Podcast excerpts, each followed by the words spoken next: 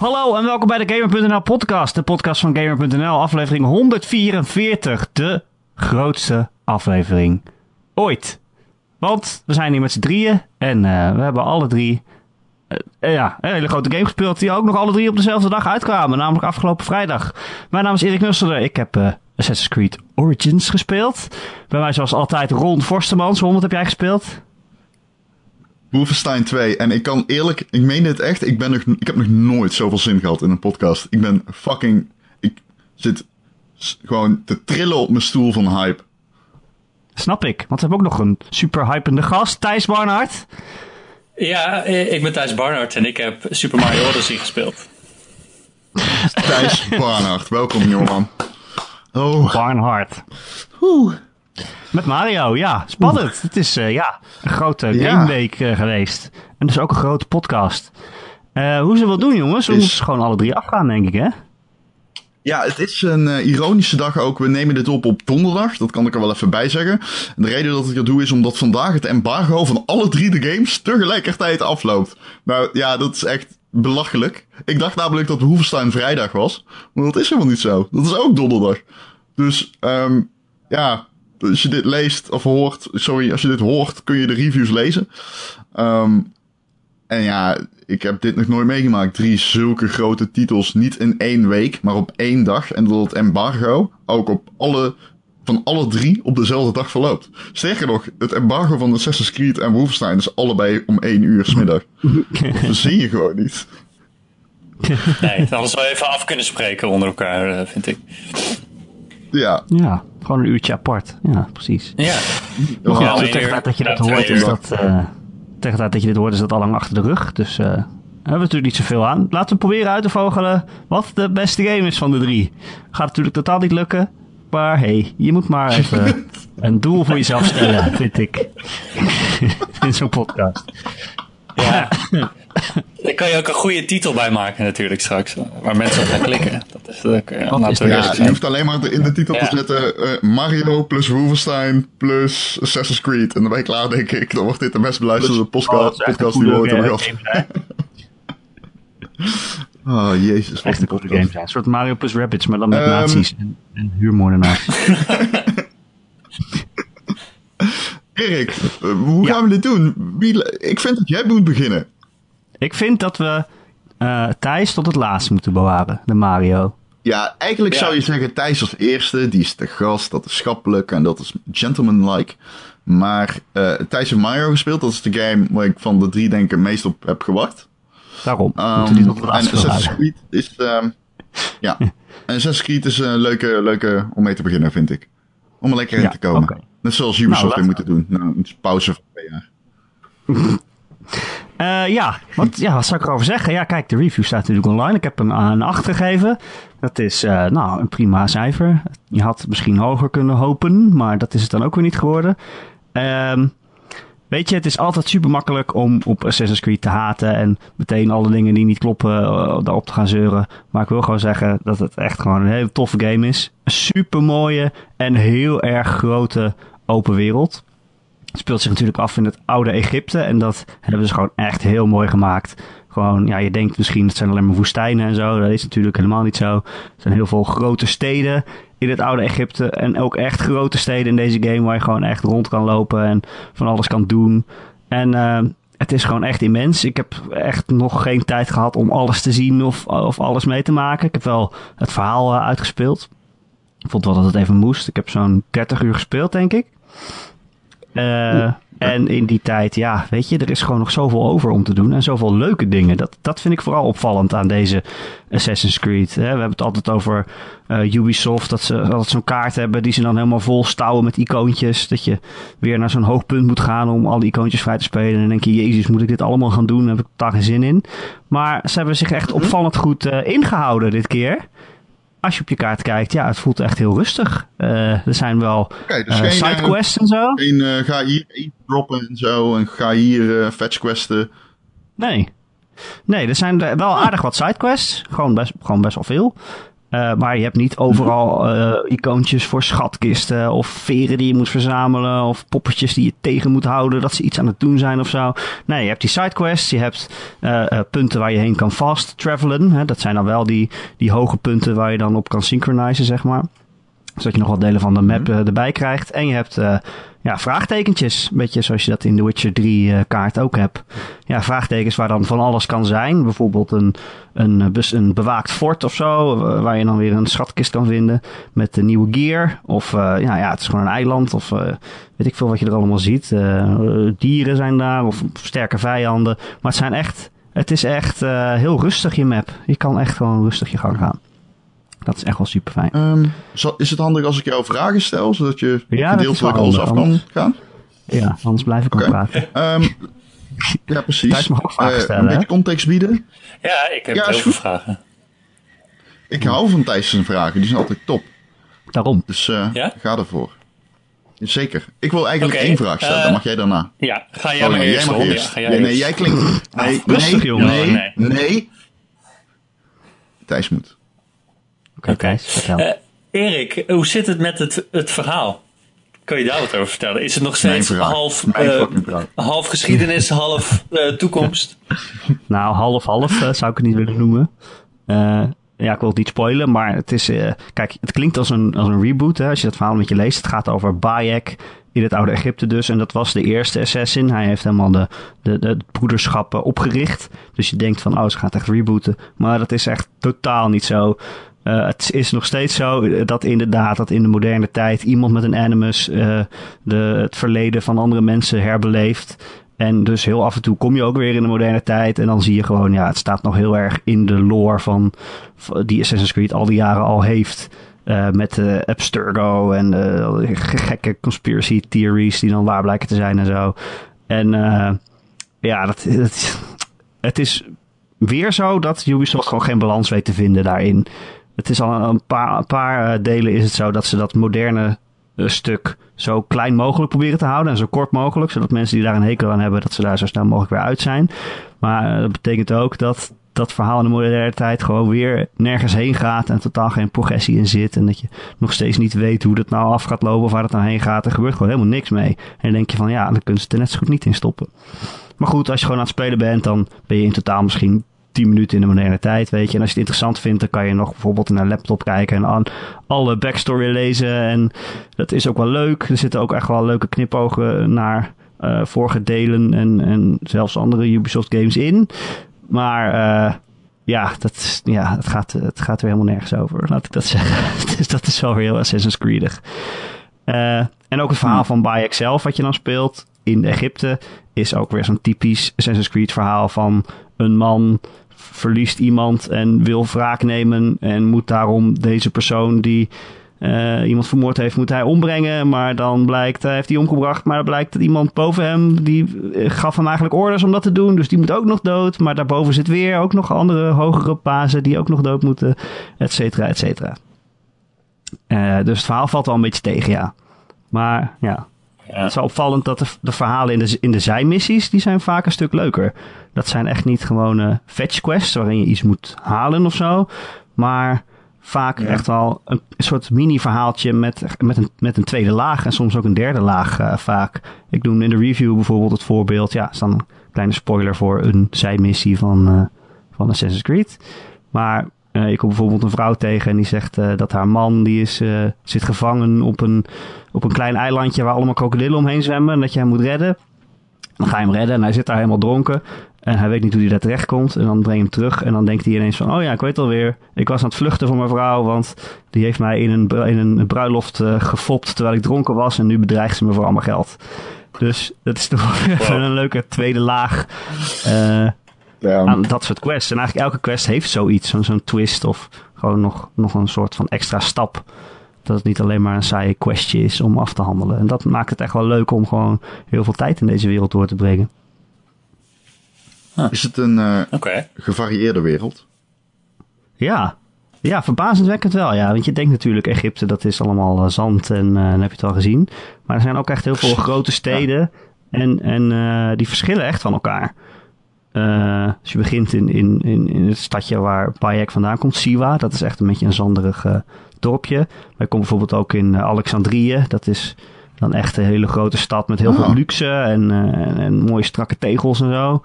Uh, je komt bijvoorbeeld in Memphis. Dat, is, dat ziet er meer uit als een soort moerassig uh, gebied. Waar gewoon rivieren door de steden heen lopen, zeg maar. Uh, waar je dan doorheen moet waden. dus ja, het is echt wel afwisselend. Ja, je hebt natuurlijk ook de typische Egyptische dingen als piramides en zo. waar je, ja, ja, beklim je een piramide in deze game? Dat kan je doen, ja. ja Precies. Tuurlijk. Mm, ja, zeker. Weet je, een van die, van die hoge punten waar je kan synchronizen zit natuurlijk boven nog een piramide. En dat is, lijkt me logisch. Oh, natuurlijk. Oh, en kun je er ook van afglijden? Mm. Ja, dat kan. Ja. Kun je, zit er marmer op de piramides? Of is het marmer er al af? Wat zei je, Ron? Marmer? Het is wel... Ja, zit er marmer op de piramides? Of is het er al af? Ja, ze zijn er wel af. Maar er, zijn, er zitten wel genoeg... Uh, krasjes dat je wel kan klimmen, zeg maar.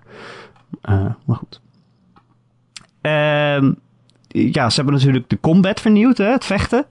Ja, dat wou ik net vragen eigenlijk. Want in die vorige games was het al heel erg uh, dat het alleen maar draaide om wachten totdat je tegenstander aanviel. En dan kon je dat pareren en dan had je eigenlijk gewonnen. Ja. Hoe is dat nu? Ja, dat hebben ze dus uh, weggelaten. Het is nu wel echt, zeg maar, dat iedereen tegelijk uh, aanvalt en zo. Een meer actief vechtsysteem. Maar ja, het is best wel kut eigenlijk. Het is nog steeds, het is nog steeds niet heel goed. Uh, je slaat met, uh, met de rechter triggers. Dus R1 is, is, een, is een slappe slag en R2 is zeg maar een harde slag. En dan uh, met je rechterpookje moet je zeg maar lock-on op een, op een vijand. Dat is heel vervelend, want met je rechterpook bestuur je ook de camera. En die camera zit ook nog eens in de weg, want je kan niet zien wat er achter je gebeurt. Dus je wordt constant van achteraan gevallen. Uh, dus je bent eigenlijk de hele tijd met de besturing aan het worstelen. En weet je, je kan ook niet echt coole dingen als combo's of zo. Of, uh, of, of, andere tactieken. Je bent eigenlijk aan het ontwijken en op het goede moment aan het slaan. En je hebt bijvoorbeeld vijanden met een schildje. Nou, die moet je dan per se met een, eerst met een zware stoot uh, omver duwen voordat je ze kan raken. Ja, het is op zich functioneel, maar het is echt wel worstelen. Dus dat is wel een, uh, een minpuntje. Nog steeds, de combat. Uh, hm. Ja, je kan, je kan gewoon niet alles gewoon niet goed zien. En daardoor word je vaak geraakt door tegenstanders die je niet aan zag komen. En, hm. Is het ja. nog steeds zo dat je, dat je steeds omsingeld wordt eigenlijk? Door een nou, ik ben niet meer dan vijf, vijf vijanden tegelijk uh, gezien. Ja, je kan het wel zelf regelen, okay. maar dan ga je wel echt dood als je tien mensen om je heen hebt. Dat, dat ga je gewoon nooit overleven. Dus je moet er eigenlijk wel zoveel mogelijk sluipen en uh, één voor één tegenstanders uitschakelen in, zo, in een fort bijvoorbeeld. Of je kan natuurlijk zorgen dat je gewoon okay. naar je doel komt zonder überhaupt iemand tegen te komen. Dat kan ook gewoon, dat, dat je het als sluipspel speelt. -huh. Ja, wat, wij vragen? Die arend? ja, die arend. Die arend is eigenlijk, dat is eigenlijk je drone, zeg maar. Dus uh, je kan altijd op, uh, op vier druktoets naar boven drukken. Dan bestuur je ineens de arend. En dan hij, hij kan dan bijvoorbeeld tegenstanders zien. Die, en die tagt hij dan voor je. Zodat jij ze altijd ziet waar ze zijn. Dat is heel handig als je aan, aan het sluipen bent, inderdaad. Um, als je hem verder level upt. Dus hij heeft ook een, een skill tree en zo. En dan zie je natuurlijk XP en dan ga je levels up. En dan kan je punten in een skill tree gebruiken. En dan kan je ook je arend beter oh, maken. Dan kan die bijvoorbeeld ook zien ja. uh, waar ze heen lopen. Zeg maar dat je ziet wat hun, wat hun ronde is die ze, die ze lopen. Zodat je een beetje kan voorspellen waar ze heen gaan. Uh, ja, dat oh, is heel Horizon. handig. Ja, precies zoals in Horizon. Uh, dat is heel handig. zeker als je, als je wil sluipen en iedereen wil ontwijken. Het is wel een beetje raar natuurlijk dat je ineens je arend bestuurt. Zeker omdat hij ook vaak door muren heen kan kijken. En dan ineens een wachter ziet die onder het dak zit of zo. Dat is heel knap. Dat kunnen arenden wel. Dat is wel een ding dat we kunnen. Ze hebben een arendspoog. Ja, ja, vroeger wel. Uh -huh. maar uh, dat is heel raar. Maar weet je, dat is ook niet echt storend. Het is nou wel een game. En uh, nou ja, het werkt een beetje als een, als een drone in uh, Ghost Recon. Heet de arend Barend? Nee, nee hij heet Zenu. Zenu. Ja. ja. Um, Oké, okay. ik heb nog wel een vraagje. Nou? Is het technisch een drol of is ja. het afgewerkt? Ja, dat is natuurlijk het ding met Assassin's Creed. Hè? Dat je denkt, ah, er zullen wel weer heel veel bugs in zitten. En, uh, en technisch onafgewerkt zijn. En ja dat, ja, dat is ook wel een beetje zo. Ja, het is niet zo erg als, Mhm. het is niet zo erg als Unity, lang niet. Tenminste, ja, weet je, je weet natuurlijk nooit wat je tegen kan komen. Ik heb 30 uur gespeeld, dus ik weet alleen wat Dat ik is wel te heb. hopen, Erik. Ja, Dat is niet per se een... eh Daar zeg je heel weinig mee. Het is niet zo erg als Unity, dus dat zeg je niet zo. Daar zeg je heel weinig mee. Maar weet je, ja, ik heb twee harde crashes gehad. Dus naar, de, dus naar een blauw scherm, dat je echt uit het spel was. Ik heb twee De PlayStation, ja. precies. Eh, ik heb twee Op keer Pro. gehad. eh, ja, op een pro. Ja, op een pro. Ja. Ik heb twee keer gehad dat de audio van een personage wegviel tijdens een cutscene, zodat je gewoon geen idee had waar, het over, waar ze het over hadden. Eh. Ik heb een paar keer gezien, gehad dat een stuk tekst, bijvoorbeeld zo'n tutorial tekst, dat die in, heel groot in het beeld bleef staan en maar niet wegging. En dat ik het spel opnieuw op moest starten voordat het weg was. Eh, ik heb aardig wat frame drops gehad. Oh, ja. Ja, ga verder. Eh, nee, aardig wat frame drops gehad. Vooral in cutscenes. En dan vooral cutscenes in het begin, gek genoeg. Daarin bewogen de personages heel eh, ja, houterig of ja, schokkerig. Eh, dus ja, Ja. en, en ook in de grote steden wilde frame drop, wilde frame rate nog wel eens naar beneden vliegen. Eh, ja, verder allemaal kleine dingetjes die je echt al ziet, maar waarvan je denkt, ja, het is dan ook weer niet super storend. Maar ja, ik, ik heb een keer gehad dat een, een, eh, een, eh, gewoon een inwoner van de stad recht uit de hemel naar beneden kwam vallen. En, en er ineens stond. En dat je denkt, wat is dit? Een soort omgekeerde rapture of zo. Maar ja, het is heel raar. Ja, ik vind dat soort dat, dingen altijd wel weer leuk. Dat, Ja. Daar zit ik nooit zo erg mee. eh, Nou ja, het is, je wordt wel even uit, uit de ervaring gehaald, natuurlijk. Ja, dat is Nee, wel zo natuurlijk. Maar het is ook wel grappig. ziet, Egypte is super mooi en ik loop hier in een mooie Egyptische stad. Hé, hey, hey, kijk, er komt een mannetje uit de lucht vallen. Ja, dat is natuurlijk wel niet de bedoeling. Is het een eh, dealbreaker geweest voor jou? Nee, nee. Ja, kijk, dat je twee keer een harde crash hebt, dat is natuurlijk wel echt vervelend. Eh, maar Ja. nee, het is geen, geen dealbreaker. Ja, nee, wat ik zeg, het valt gewoon op en het haalt je er even uit. En dat is gewoon zonde. En dan krijg je het ook echt wel eh minpunt voor. Maar weet je, die game is gewoon zo mooi en groot en zoveel te doen. En zoveel dingen te doen die ook echt leuk zijn. Dat, dat je daar niet echt door tegen moet laten houden. En ongetwijfeld gaat het ook weer heel snel gepatcht worden. Dus je kan ook gewoon nog even een maandje wachten en dan die game spelen natuurlijk. Eh, Ja. Bovendien, als je wacht, Erik, heb je is ook de HDR-patch. Ja, nee. Die komt, Dat ik die. HDR-patch de HDR-patch die komt pas eh, begin november. Dus eh, super zonde, want daarom Ja. komt uitgespeeld. Het is al best wel snel Ja, dat hij komt. ja. Maar ja. ja, begin november zeggen ze. Dus dat is wel echt jammer. Maar goed. Ja, over die spelwereld. Ehm, je hebt ook een hele onderwaterwereld natuurlijk. Dat zei je al een beetje. Ehm, is die leuk? Ja, onderwaterwereld zou ik het niet echt noemen. Ja, je kan wel zwemmen en onder water zijn. Maar ik heb nog niet echt gez- gezien dat je echt zo kan duiken als in Black Flag of zo. Ja, er zijn wel... Oh, ik zag krijg wel echt grottenstelsels en zo. Ja, ik kan lang iemand onder water zien eh, Echt? Oh, en nou ja, dat zag er best cool uit. Ja. Ja, dus, er liggen ook allemaal veel dingen. En je wordt aangevallen door eh, krokodillen en helpaarden zo in het water. En eh, Oh, sick. ja. ja, super sick. En eh, je kan daar echt wel coole gear vinden.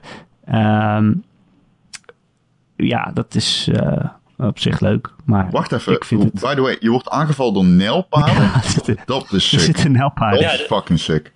Nijlpaarden zijn echt super gevaarlijk, toch? Dat zijn echt de, Ja, de nijlpaarden grootste zijn Ja, ja, ja. Nijlpaarden, hippo's. Oh, dat zijn echt, die zijn, die kom je, als jij in een buggy rijdt en er, er rent een nijlpaard achter je aan, dan ben je fucked in het echt.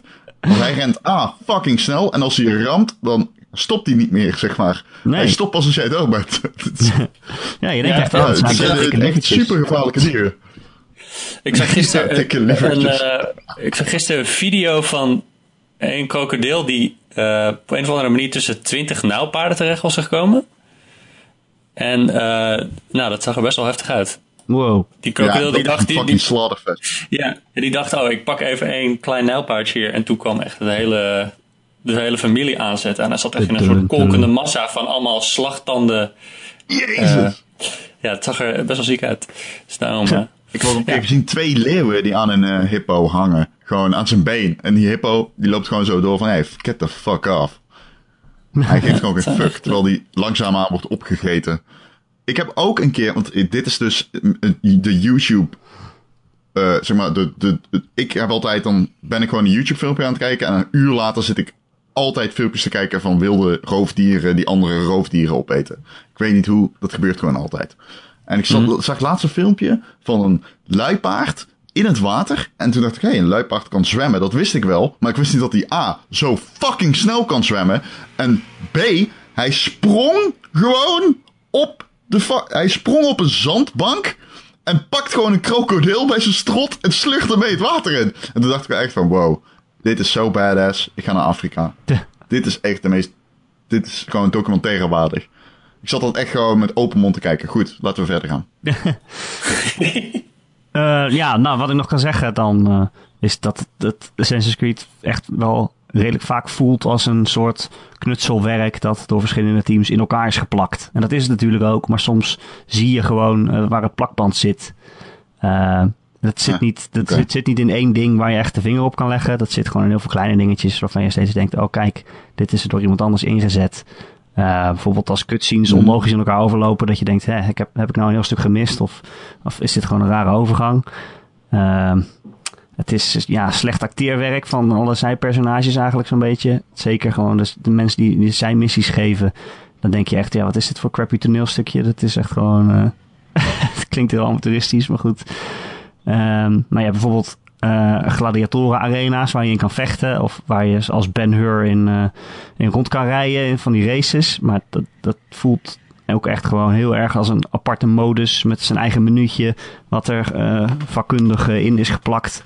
Wat trouwens ook niet echt heel erg leuk is. Maar Allah, je hebt nog iets te doen. Eh, Ja. dus ja, het voelt gewoon af en toe alsof het een beetje rammelt. En alsof het met plakband aan elkaar zit. En eh, dat is wel een beetje jammer. Ja, dat klinkt weer echt als Assassin's Creed dan. Dat, ja, dat klinkt inderdaad heel erg als Assassin's Ja. Creed. Ja. Ja, dus ja, als je dat wel eens gespeeld hebt, dan weet je ongeveer wat ik bedoel, hopelijk. Maar weet je, dit is wel weer gewoon... Het is wel echt gewoon een goede Assassin's Creed. En dat komt vooral, wat ik zeg, door de wereld, door de hoeveelheid dingen die er te doen is. Zonder je te overweldigen met een map vol rotzooi. Eh, gewoon leuke zijmissies. Ja, echt gewoon heel veel content die gewoon de moeite waard is. Eh, ik heb gewoon nog hele delen van de map niet gezien. Eh daar moet ik nog allemaal heen. Oké. En dat bewaar ik eigenlijk tot de HDR-patch Ehm, je gaat er eh, terug, je gaat terug naar die wereld, denk ik. Het is nog niet afgelopen voor jou. Nee, ik ga, dat, ik ga nog wel de, de rest van de map vrijspelen. Maar wat ik zeg, ik wacht even tot de HDR-patch. Dan kan ik dat ook nog even zien, hoe mooi het is. Eh, maar nee, ik heb 30 Ja. uur gespeeld en nog echt nog lang niet alles gezien. Ik bedoel, ik heb wel het verhaal uitgespeeld. Maar daarna zijn er nog allemaal opdrachten en sterke vijanden die je moet verslaan. Weet je, een beetje zoals je in, in Black Flag, weet ik nog, had je bijvoorbeeld vier hele grote superschepen die je nog kon verslaan aan het einde.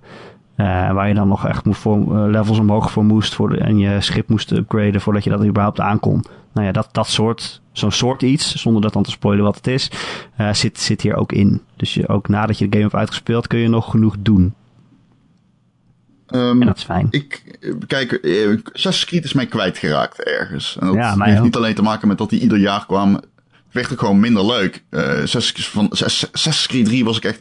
da- Na halverwege dacht ik, nee, oké, dit ga ik... dit- I see what you did here. Het zal verhalend best to- tof worden misschien nog. En er zal, zullen nog wel Nee, wat hoor. leuke settings en scenario's voorbij komen. I don't give a shit. I'm done with this. Ehm, die, die heeft trouwens hoger gekregen dan Origins, bedenk ik me nou opeens. Ja, maar dat dat moet maar een 9,5 geven. Dat is echt onzin. Dat is echt de slechtste. Een 9,5? Ik ga weg. Ja, Hij had een drie. 9, Dat is toch de slechtste? Wat? Heeft hij een 9,5 gekregen? Ja. Van Simon. Dus, ja, dat krijg je als je wodka bij de Juderans doet, ochtends. ik insinueer niks, overigens. Nee, nee, grapje. Ehm, maar ik... Ik, ehm, ik had... ehm, ik, ik, ik had heel erg het idee dat deze game mij misschien weer... niet alleen hype... Ik merkte aan mezelf dat ik weer zin had in Assassin's Creed. En dat komt, dat komt wel echt omdat hier een jaar tussenuit is geweest. Mijn vraag is eigenlijk... Is dit, vernieuwt het jouw vertrouwen in de franchise? Heeft dit de franchise weer, zoals dat dan mooi gezegd wordt, nieuw elan verleend? Ja, vind ik wel. Ja, het is ook een beetje waar je nou op zoek bent. Hè? Kijk, als je echt voor het verhaal speelt of zo, of gewoon eh, hè, eh, zoiets, dan, dan moet je het niet doen. Want ja, dat is, dat is eh, op zich is het functioneel, maar het is ook niet meer dan dat.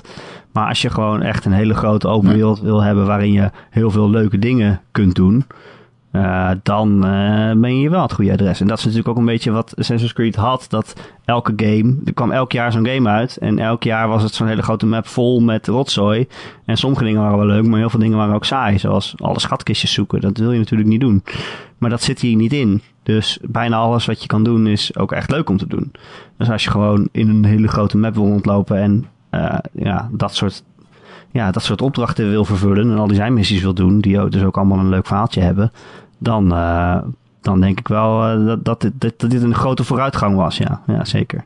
Weet je wat bijvoorbeeld ook, dat is een klein dingetje, wat ze bijvoorbeeld ook hebben gedaan, is uh, de minimap weghalen. je had altijd zo'n rondje, zo'n zo'n GTA-achtige map op het scherm. Mm -hmm. kwamen dus achter dat mensen alleen maar met hun ogen de hele tijd naar dat, naar, die, naar dat kaartje zaten te kijken en niet meer naar de wereld om zich heen. Dus die hebben ze gewoon weggehaald. En je hebt nu zo'n soort kompas bovenin, zoals je volgens mij ook in Skyrim en zo hebt. Met uh, dat je ongeveer weet waar je heen moet, maar dat je nog wel gewoon je ogen vrij hebt ja. om, om gewoon om je heen te kijken. En dat is echt, dat is bijvoorbeeld al. Zo'n horizontale Ja, lijn. die, precies. Maar meedraait naar ja. hm. okay, de windrichtingen. Ja, dat. Ja. ja. Oké. Okay. En dat is wel een grote verbetering, want dan ga je echt veel meer uh, op onderzoek uit en zie je veel meer om je heen wat er gebeurt. In plaats van dat je alleen maar op dat wegenplan aan het kijken bent hoe je het snelste naar je doel kunt komen. Dat ga je toch automatisch doen. Maar dat is bijvoorbeeld al een klein dingetje die ze hebben aangepast. Maar weet je, als, als ze weer elk jaar uh, weer precies zo'n Assassin's Creed gaan doen, dan ja, weet je, voor bijna alles is het zo dat als je het elk jaar doet, dat het dan op een gegeven moment denkt, ja, nou weet ik het wel. Uh, en als ze nog meer Assassin's Creed gaan maken, dan moeten ze wel iets aan die combat doen, zou ik zeggen. En ik zou ook wel heel graag willen dat ze iets met het verhaal doen. Hè? Ze staan weer met zo'n halfbeen in dat moderne tijdverhaal waar je eigenlijk niks aan hebt. En, en wat gewoon niet opschiet of geen punt maakt. En denk je, ja, haal het eruit of doe er iets interessants mee. Dus uh, ja, dat zijn dan wel de dingen mm -hmm. ja. die ze aan zouden pakken. Maar goed. Ja. ja. Wil je nog meer weten? Of zullen we naar de volgende game in onze grote trio? Ik heb, ik heb nog één vraag. Um, ben je verantwoordelijk voor het afbreken van de neus van de Sphinx in deze game? Gast, ik echt real? Dit is een vraag die ik wilde stellen. Gast, serieus. Dit is de vraag die ik... Dit is al de tweede keer. Jij opent met dezelfde vraag als ik en sluit af met dezelfde vraag als ik. Dat is wel echt... Jezus, oké. Okay. Maar goed, ja, vertel. Uh, niet dat ik weet. Het kan natuurlijk in een zijmissie zijn die okay. ik niet heb uh, gespeeld. Maar is dat niet ook veel later gebeurd mm -hmm. in zeg maar, de echte geschiedenis? Ja, volgens mij is dat historisch gezien wel veel later gebeurd. Maar ja, alsof Assassin's Creed zich daar iets van moet aantrekken. Dat, uh, die, nou, die goochelen wel meer met dat soort dingen, toch? Ja. ja, klopt. Dat is waar, ja. Assassin's Creed staat er wel onbekend dat het een beetje wat loopjes met de historische werkelijkheid neemt.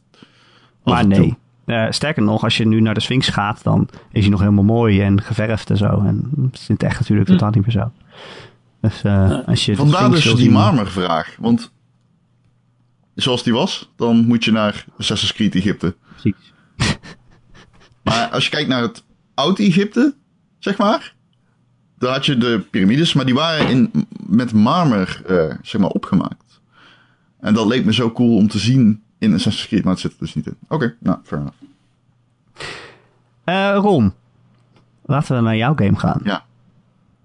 Want ik heb wel zin om nazi's af te knallen. Daar heb ik altijd zin in. Zo. Maar nu kan het ook. ik ook. Ron, hoe is het? Jij lijkt me niet iemand die op andere mensen zou schieten. nee, dat is waar. Eigenlijk, als ik eerlijk ben. Dat is waar. Maar nazi's, die uh, moet ik toch een uitzondering van maken. Uh, nee hoor, echt zou ik niemand doodschieten, hoe erg die ook is. Dat is wel zo. Echt niet? Nou, ik denk Hitler niet. Zou je Hitler niet Ik zou niet, terug, ik zou niet terugreizen in de tijd. Oh. Ja, dat is wel een goede Erik. vraag. Dat zou je misschien wel doen, hè? Je bekent een beetje je kleur Zou je. Hitler Ja, dat niet zou je dood? natuurlijk wel doen. Nou, maar je redt er zoveel levens mee. Dat is natuurlijk. Maar kan Maar je niet niet wat gewoon voor Hitler arresteren voor wat hij gaat doen? Hij is al een keer gearresteerd, dat hielp niet. Oh, zo goed ken ik mijn geschiedenis niet. Nee, dat klopt. Dit klopt. Wow, Erik, dat is eigenlijk wel een goede vraag. Dit is, nee, wacht, wacht, wacht. Je moet kiezen. Je zit in een kamer met David Cage en Hitler en je hebt maar één kogel. Hmm. Nee, grapje. Nee, grapje, grapje, grapje. Dit is een grapje. Nee, nee, nee. Ehm fictie, people. Fictie. Ehm Zit Wolfenstein Hitler in deze 2. Nou, ja. Oh, Ehm, maar niet in vleeselijke vorm. Maar zijn posters, eh, de, de referenties, het is heel fucking duidelijk. Tenminste, Allicht. kijk, ik, heb, ja, ik het zijn ben op nazi's. 80%. Het zijn letterlijke nazi's. Het zijn, het zijn fucking nazi's. En Ja. oh, er wordt gewoon continu naar Hitler gerefereerd. En je weet, Wolfenstein, Mecca Hitler was een ding in Wolfenstein 3D. En ik ga er ook Oh, ja. gewoon vanuit dat eh, de trilogie, want het is een trilogie, besloten wordt met het eh, afknallen van Mecca Hitler. Daar ga ik eigenlijk wel van uit. En als je denkt nu van, wow, maar dat zou wel een beetje ver gaan, niet? Dat is wel een beetje bizar en onverantwoordelijk. Nou, laat me je vertellen, als je deze game twee uur lang gespeeld hebt, dan weet je al dat Mecca Hitler niet eens daar kijk je niet eens meer van op als die het beeld in zou lopen. Want deze game is echt zo fucking bizar. Het is zoveel bizarder. En ze gaan zoveel verder in, zeg maar, fictie en aanverwante dingen die buiten al het realis- realistische besef vallen dat ehm ja, Mecha Hitler niet eens meer uit de toon zou vallen. Dus eh, dat heb je dan al meteen door eh, na het opstarten van die game. Ehm Wolfenstein 2, ja, wat moet ik, eh, waar moet ik beginnen, Erik? Ik weet het even niet zo goed. Eh, het is een single-player shooter, hè? En verder niks. Het is een single player shooter. Dus dan ga ik ervan Ehm, uit dat het ook nee. echt een leuk verhaal heeft. Ja, laten we bij- dan beginnen bij Wolfenstein 1. Die ik eh keer was opnieuw had moeten spelen. Ja. De New Order, eh, die was voor mij zo heavily bugged dat ik daar eigenlijk niet van heb kunnen genieten. Ehm, dat was, eh, en dat is echt een dramatisch verhaal, maar ik, ga het niet, ik heb het al zo vaak in de podcast verteld. Nou ja, goed, het was gewoon kut.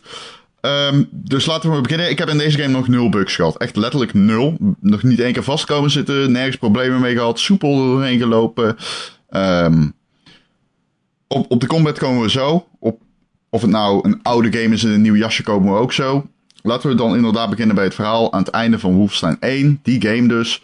eh, wordt BJ Blazkowicz ja, eigenlijk getorpedeerd met een atoombom. En ehm, hij komt er bekijkt vanaf. Dat is wat er gebeurt als je beschoten wordt met een atoombom. Ehm, dus je wordt wakker in een nucleaire onderzeeër. Je lichaam werkt niet meer. En je knalt je naar het dek. Want er, worden, er, wordt, een, overval geple- een, een, een inval gepleegd door nazi's. En eh, de nieuwe oude, want ze zat ook Wolfenstein 1, protagonist. Eh, destijds was vrouw Engel het hulpje van Deathshed, die zeg maar op het einde dan door jou wordt omgelegd. Ehm, nu is vrouw Engel, of niet de protagonist, antagonist natuurlijk, uiteraard. En nu is vrouw Engel eigenlijk de voornamelijke bad guy. En eh, in het begin, zij wordt dus op het dek van het schip, wordt je gevangen genomen door haar, samen met wat collega's van het verzet. Eh, de toon die dan gezet wordt, is al meteen fucking gruwelijk. Ehm, eh, ze, ze, ze fatshamed haar dochter. Onthoofd je echt gewoon je, je, een van je grootste maatjes uit deel 1 met een pijl. eh houdt het gezicht van dat maatje in je hoofd. Wow. Die moet je kusjes geven. Ze houdt dat hoofd houdt ze nog een keer bij het hoofd van de dochter. En ze vertrapt het daarna. Ehm, ja, en wat er dan gebeurt is gewoon complete chaos all around. Het stopt niet met overdrijven, die game. Ehm, het stopt niet met ontzettend grof zijn. En het verhaal stopt ook niet met het voorschotelen van scenario's die daarop inspelen. Als het maar gaat over, om het vertrappen, vermoorden, verdrinken, verbranden eh, van nazi's. En als het maar kan in de meest bizarre setting denkbaar. Maar dan denk je, oké, dus dit is een shooter die over de top is en niet echt leunt op verhaal. En daar ga je dan de mist in. Want dit, deze game heeft echt... Ja, wat dan? Het is bijna bizar hoe deze game op vlakken waar je niet verwacht zoveel diepgang heeft. Ja? Gewoon eh, praten met personages in de spelwereld, lore uit eh, posters, uit agenda's, uit dagboeken. Ehm, het is, er is zoveel achtergrond in die game. Er is zoveel worldbuilding. En je leert BJ echt kennen. Het begin van die game begint met hoe is BJ BJ geworden. En je ontmoet zijn vader. En eh, zijn moeder, die Joods was. Ehm, en hoe die vader is zo'n lul. En op, later in die game ga je terug naar het ouderlijk huis. En ja, wat zich daarvoor trekt en al die flashbacks die hij krijgt. Ik heb echt met kippenvel de game zitten spelen. Omdat je, je, je leert een beetje... Je leert houden van Blazkowicz, zeg maar. Je, je, gaat hem waarderen als iemand die uh, doorzet. Als iemand die een hele heldere, duidelijke motivatie heeft om nazi's te haten. Uh, je leert zijn vader haten. je leert zijn vrouw die, de, daar heb je respect voor. Die overigens zwanger is in deze game. Van een tweeling. En het is een verhalend. Ja. Het is echt een verhalend goede game. Het is geen aardig verhaal. Het is een heel erg goed verhaal. Um, en dat maakt deze game wel heel bijzonder, vind ik. Ik vind dat zo het, raar. Uh, is je, ook, je hebt een... Dat je een game hebt waarin de hoofdpersoon BJ Blazkowicz heet. En dat je daarin dus een goed verhaal hebt waarin zijn karakter wordt uitgetypt. Ik bedoel, die naam is een soort van, van grap van 20 jaar geleden. En, en nu ineens is, is, is die serie gewoon ja, proberen ze daar gewoon een diepgaand verhaal in te stoppen. Ja. Of proberen, dat lukt, ja, dat lukt je moet ook niet... dat doen ze gewoon. Ja, ja dat vind ik uh, juist zo cool ja, aan die reboot eigenlijk. Dat ze gewoon ja, eh, iets heel ouds en banaals en doms hebben genomen en dat heel serieus, maar ook weer wel met de knipoog nog wel steeds, uh, hebben aangepakt. En het werkt gewoon, die combinatie. Maar ja, het werkt. Ja, Ron, uh, Thijs, Thijs, die zegt, uh, Thijs die zegt, ja, met een knipoog wordt het allemaal verwerkt. En je hebt nu natuurlijk, ze, ze zitten ineens in een soort PR-ding, omdat er gewoon ineens weer echte nazi's zijn die aan het passeren zijn in Amerika. Of misschien noemen ze zichzelf niet zo, maar alt-right of zo, ja, weet ik veel. Uh, nou, maar ook gewoon op Twitter, dat als, je, als ze een reclame van voor Wolfenstein maken met eindelijk nazi schieten, dat er dan gewoon mensen boos worden omdat de game een politiek statement inneemt, vinden ze dan. Terwijl, ja, weet je, het gaat over de daadwerkelijke nazi's uit Duitsland uit 1945, maar dan een paar jaar later, die gewoon daadwerkelijk evil zijn. Oké. Okay. Maar hoe uh, leunt, het ook, leunt het ook op die manier? Ja, leunt het ook op die manier met een knipoog uh, in, in, de, in de materie? Ja, laten we vooropstellen, er is geen groter kwaad dan nazi's. Dus als je denkt, ja, ik vind eigenlijk dat ze kant hebben gekozen tegen de nazi's, dan ben je echt een fucking achterlijke mongool. Dus dat wil ik even vooropstellen. Ten tweede, deze game is in die zin niet anders dan deel 1. Deel 1 deed dat ook al. Deel 1 deed dat ook. Deel 1 uh, eh, die, na, die sprak ook gewoon over nazi's en niet crowds of Germans. Gewoon nazi's. En dat, dit deel doet dat ook. En neemt het stellingname. Ja, kijk, ik zelf hoef geen ik heb zelf niet de intentie of de behoefte om een game te spelen die politieke visie heel duidelijk etaleert. Omdat dat vind ik, stellingname kan altijd heel fout uitpakken. En ik ben van nature iemand die graag denkt dat de wereld grijs is en niet zozeer zwart of wit. Um, deze game doet dat ook eigenlijk. Het neemt niet echt stellingname. Maar wat het wel duidelijk doet, is anti-nazi zijn. En daar kun je niet echt van zeggen van... Yo, hoezo heb je een politieke kant gekozen? Ze zijn gewoon tegen nazi's, zoals ieder weldenkend mens. Um, maar ze zijn... Wat, wat ik daar wel bij moet zeggen gewoon... En dat is wel belangrijk. Je kunt in this day and age inderdaad niet zo'n game uitbrengen... zonder toch een beetje een kant te kiezen. Want je weet dat dat gevoelig ligt. Dus je moet er ook bewust van zijn dat er mensen zijn die zo naar die game zullen gaan kijken, zeg maar. Hè? Um, je kunt niet compleet alles loskoppelen van de actualiteit. Nou, dat doet die game niet. Um, die game hint soms heel subtiel naar die discussie. Ja. soms heel duidelijk. Je hebt uh, control schemes voor uh, left en right-handed Blazkowicz. Uh, de left-handed heeft er twee. En de tweede, die, die heb je left-handed en left-handed Guzman, dat is dan de tweede. En dan heb je alt-handed en, nee, right-handed en de tweede scheme heet dan alt-right-handed. dus de game is zich wel heel bewust daarvan, zeg maar. Maar wat ze ook wel doen, is als je de dagboeken leest van de nazi's die je kapot knalt. um, dan komt daaruit wel naar voren dat er gewoon mensen zijn. En dat ze BJ Blazkowicz zien als een terrorist. En op een gegeven moment word jij soort van terechtgesteld in een perszaal. Uh, dat is minder spoilery dan je denkt. Um, en dan uh, komt er een moeder op je afrennen en die zegt van... Je hebt mijn fucking zoon vermoord. Je hebt mijn zoon vermoord. En dan beschrijft ze ook hoe die is vermoord. En dan denk je wel van... Ah, nou, ja, misschien is het niet helemaal zo, zo makkelijk allemaal. dus um, ja, het zit er wel in, maar uh, je hoeft niet bang te zijn voor een game die zich dusdanig politiek bewust van is dat het doordronken is met die knipoog. Doordrenkt met die knipoog. Dat, dat, dat, dat is niet zo, uh, maar het is zich er wel bewust van. Ja, uh, en een game maken kost ook wel uh, veel tijd. Um, en de laatste ontwikkelingen rondom uh, nazi's in Amerika zijn toch vooral afgelopen zomer vooral in het nieuws geweest. Precies. Dus ja, ja, dat is gewoon te kort om nog in een game echt serieus te verwerken. Ja, ja. de PR-afdeling... Ja, zit er meer in dan in de game. Ja, zo de, voor de marketing is het meer in de marketing dan in de game. Ja. en je merkt ook wel dat ze er heel veel lol ja, aan het zit dus meer in de marketing. Ja, ja zeker. Uh, Ja. Ron, ik moet je nog een andere vraag Ja, stellen. ja, ja. Eh, Ja. Hoe is het als game, als shooter? Oké, als je het hebt over de gameplay. Ehm, deel 1 was een ontzettend fijne shooter. Je kon wapens dual wielden. Ehm, en dat is hier weer zo. Het is een hele fijne shooter. Ehm, dus dat is het. Het is een hele fijne shooter. Je hebt heel veel verschillende wapens. Je kunt die wapens upgraden. Dat is leuk om te doen. Dat maakt ook echt daadwerkelijk verschil.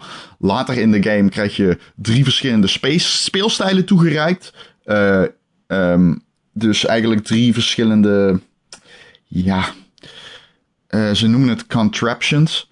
En eh, die lenen zich dan goed voor stealth, voor tactisch of voor mayhem, zoals ze dat dan noemen. Ehm, maar ze zijn niet, zeg maar, voorgeschreven. Het is niet zo dat je op dit moment moet je hem... Je bepaalt zelf wanneer je ze gebruikt. Dus je hebt bijvoorbeeld stelten waarop je kan... Dan doe je een double jump, maar dan doe je geen double jump. Dan krijg je twee stelten waarop je loopt. Zo kun je naar hoger gelegen platformen komen. Je kan er ook voor kiezen om door nauwe gangen te kunnen navigeren. Of bijvoorbeeld onder auto's te kruipen. Doordat je toch zo, wordt platgedrukt. Dat is dan stealth. Ehm, maar dat kun je dus ook gebruiken om vijanden te beslijpen en dergelijke. Dus ehm, het werkt heel flexibel. En ik vind ook echt dat ze dat cool hebben gedaan. Je merkt echt, oké, op dit stuk kom- komen mijn stelten van toepassing. Ik speel hem dan met die stelten. Eh, later in de game kun je nog zo'n speelstijl toevoegen. Dus heb je er twee van de drie. Ehm, dus dat is cool. Ehm, en ja, je ziet bijvoorbeeld een kamer ergens en je moet naar die kamer toe. Nou, dan zijn er drie manieren om erheen te gaan. Je kan door de muur beuken, mayhem. Je kan er overheen klimmen, tactical. Of je kan eh, eh, door, door de kamer er langs jezelf plat drukken. Eh, dus stealth. Dus je ziet wel dat er op bepaalde momenten in die game dan kom je op een situatie dat je sowieso al één van die drie speelstijlen moet gebruiken. Dus dat is heel doorzichtig dan. Van, oh ja, ik kan hier nu omhoog, omlaag of er doorheen. Oké, dus dan zou je zeggen, dan maakt het niet uit welke keuze ik maak tussen de drie. Maar je kan ze ook in combat sit- situaties, door bijvoorbeeld je stelte omhoog te doen en opeens dat je heel erg hoog staat en gewoon granaten naar beneden kan gooien. Ja, dat, dat, dat kan ook. Dus het heeft wel waarde. En dat is eigenlijk wat die gameplay ehm, nieuw maakt ten opzichte van het eerste deel, zeg maar. Die drie dingen.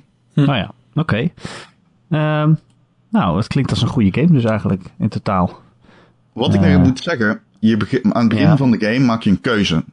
En die keuze heb je al gemaakt in Wolfenstein 1. Dat is namelijk tussen één van je twee medepersonages. Afhankelijk daarvan, het verschil is echt groot. Deze game heeft serieus dus twee best verschillende tijdlijnen.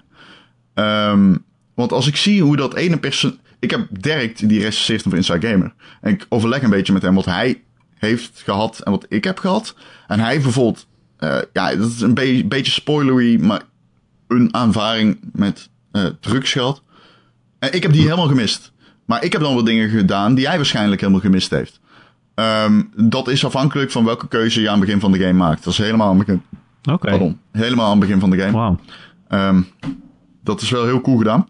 En ik zeg dus ook, met die drie speelstijlen die je kan kiezen, heb je dus ook weer reden, gameplay redenen om terug te gaan. Eh, die keuze die je maakt, dat zijn vooral narratieve redenen om nog eens opnieuw te spelen. Ja. Ehm, dus, want dat is daarnaast gewoon je, één singleplayer campagne eh, met, met verder geen multiplayer of zo, zei ik al. Nee. Ja, dus je hebt dan gewoon een reden om nog een keer te spelen, zeg maar. ja, ja, daarnaast heb je een nazi command. Zeg maar, deze game leunt ook op stealth. Ehm, je kunt je wapens upgraden met een silencer om dat makkelijker te maken. Dat moet je zeker doen, want gewoon stealth is echt heel moeilijk. Zonder silencers. Ehm, en als je dat doet, dan kom je erachter dat zo'n omgeving in zo'n. Ja, kut. Bijna iedere confrontatie begint met een radar boven in beeld die wijst naar de commander. En de commander, dat is zeg maar de, ja, de commandant. En als je die uitschakelt als eerste, dus door stealth en niet alarmeert, laat hij het alarm niet afgaan. En dat betekent dat er veel minder troepen zijn die je kapot moet schieten. Natuurlijk, je kunt ervoor kiezen om gewoon meteen te beginnen met schieten en daar gewoon scheid aan te hebben. Um, heel vaak gebeurt dat ook automatisch omdat ik betrapt word tijdens mijn stealth. Uh, maar dat is wel heel cool, die stealth. Het werkt goed. Um, het is super leuk om ze één voor één uit te moorden. Met je hakbijltje, wat weer echt ontzettend gruwelijk is. Die executies zijn zo fucking bloederig, dat is echt ongekend. Er is er eentje, dan, ja, sorry, ik ga, ik ga er geen doekjes om winnen. Ik vertel het gewoon net zo expliciet als het in de game zit. Waarbij hij de hakbijl pakt, die ramt hij in iemands Achillespees. Dan trekt hij hem naar de grond. Slaat hij de hakbijl in zijn bovenbeen, trekt hij hem nog verder naar zich toe kijkt hij de commandant aan en dan ramt hij de hakbel in zijn hoofd. Hm. Dat is zeg maar één executie. Um, dus ja, deze game wint wat dat betreft ook geen doekjes om. En ook dat is dan weer voor mensen die een beetje houden van dit soort, laat ik zeggen, expliciete combat. Is dit wel echt, is die stealth ook wel weer echt reden om even al die executies te checken. Want zijn er best veel en ze zijn cool. Um, dus dat is leuk aan de game. De stealth moet ik wel bijzeggen. Um, in de stealth is het heel moeilijk om in stealth te blijven. Ik word er heel vaak in betrapt. Het is mij drie keer gelukt om zo'n scenario helemaal stealth te doen. Waarbij ik bijna de indruk krijg dat het een beetje oneerlijk is hoe vijanden je soms zien. Uh, dus dat moet ik er wel bij zeg, uh, zeggen. Oké. Okay. Um, zijn er nog dingen die ik gemist heb? Um, ik heb, uh, nou, de AI is fantastisch. Oh ja? Sorry? Nee, ik wou Thijs vragen of hij de nog AI is... Ja, ik heb een vraag. Uh, ja, uh, in de, de nieuwe order had je steeds na iedere missie dat je weer terugging naar je basis. En dan kon je daar rondlopen. En dan kreeg je een beetje de sfeer van het door de nazi's veroverde Europa. Dan kon je een LP vinden van uh, de Duitse Beatles die dan Yellow U-boat uh, single hadden opgenomen en zo, dat soort dingen. Is dat, is dat nu nog steeds zo? Ja, je hebt nog steeds die, uh, die tracks die door de wereld liggen, die plaatjes. Mm -hmm. Dus uh, om de nummertjes om te luisteren. Um, inderdaad, je gaat terug uh, naar de, de nucleaire onderzeeër waarin je aan het begin van de game wakker wordt. Dat is je hub. En um, wat heel erg tof is, is om gewoon er doorheen te lopen tussen missies door. En gewoon te gaan kijken naar hoe personages met elkaar praten. Het is een beetje raar, omdat ze met elkaar praten alsof jij er niet bij staat. Terwijl je gewoon gehurkt aan de tafel zit. Zeg maar, terwijl zij, zij met elkaar aan het praten zijn. Dat is beetje fourth wall doorbrekend. Maar um, het, het gegeven dat je gewoon zoveel lore mee kan krijgen door gewoon te blijven kijken naar die mensen, is echt heel cool. Wat ook al tof is, uh, soms loop je weg van de discussie. En dan kom je terug en dan beginnen ze gewoon weer verder. Hm. Dus zeg maar, dan denk je, oh, de conversatie is klaar. En dan lopen ze weg. En daarna komen ze terug. Gewoon tien minuten later komen ze terug. En dan zie ik ze op een afstandje, beginnen ze weer met elkaar te praten. dus um, dat is echt, echt heel erg goed gedaan eigenlijk. Maar wat ik al zeg, die worldbuilding en gewoon de conversaties en gewoon de manier hoe die lore in de game is verwerkt, is echt heel erg cool. Um, sowieso, uh, die hele spelwereld is fantastisch. Die echt hoe dat Amerika is. Op een gegeven moment word je in Roswell, uh, zit, is een missie. Dat is ook in trailers, zit dat. Uh, dat is die scène dat die uh, nazi-commandant binnenkomt en een milkshake met je komt drinken. Oh, um, in dat restaurant. En uh, die hele scène dat je. Want je moet dan een nuke plaatsen. Je moet een nucleaire atoombom, zeg maar, in de Nazi capital plaatsen, waar alle kopstukken zijn. Dat lukt ook. Nou, dat is geen spoiler, dat zit in de trailer. Of uh, dat, zit, uh, dat was ook een preview level van de preview sessies die journalisten hebben gehad.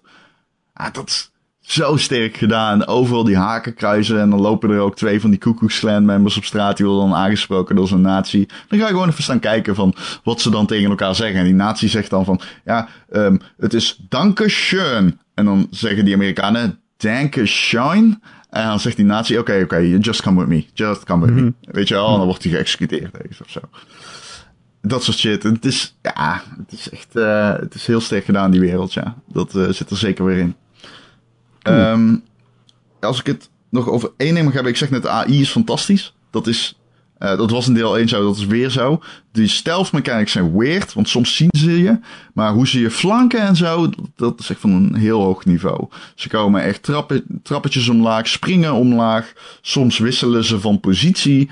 Eh, ze maken je het echt moeilijk. Zelfs op de eh één na laagste moeilijkheidsgraad, wat min of meer normal is. Ik speel volgens mij net één hoger. Ehm, dan moet ik het hebben over toch wel de mindere kanten die ik tot nu toe heb ontdekt. Want, begrijp me niet verkeerd, geweldige verhaalvertelling, geweldige personages. Eh BJ is uit als Rambo, is is een soort van Rambo uit de wraak, maar hij heeft echt verrassend veel inhoud. En je zijn psyche die, die, die middels, zeg maar, innerlijke dialoog leren die echt verkennen. Zelfs tijdens het knallen heeft hij het tegen zichzelf over dingen die hij in het verleden heeft meegemaakt. Ehm, maar er zijn wel wat irritaties soms. Ehm, bijvoorbeeld, dat was in het eerste deel ook zo. Het leunt op hele oude shooting mechanics. Waarbij je bijvoorbeeld ehm health moet oppakken. Het regent niet. Het regent tot op zekere hoogte. Daarna moet je het aanvullen met, eh, met standaard health. En die vind je bijvoorbeeld, eh, ja, hondenbrokken is health. Maar ook eh, dinertafeltjes met oude gerechten van een eerdere bezoeker. Dat is. Eh, soms zijn het gewoon health packs. Maar je moet ze echt handmatig op- oppakken. Net als ammo overigens. En dat doe je dus met het vierkantje. En het irritante is, je kan die controle, controller scheme op de PlayStation, waarop ik hem heb gerecenseerd, die kun je niet aanpassen.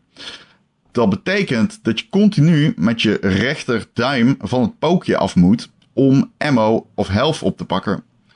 En dat wordt heel snel frustrerend natuurlijk. Hmm. Ehm, dat is wel echt irritant. Ik snap niet zo goed waarom ze dat hebben gedaan. Ik, dat, het zou zoveel.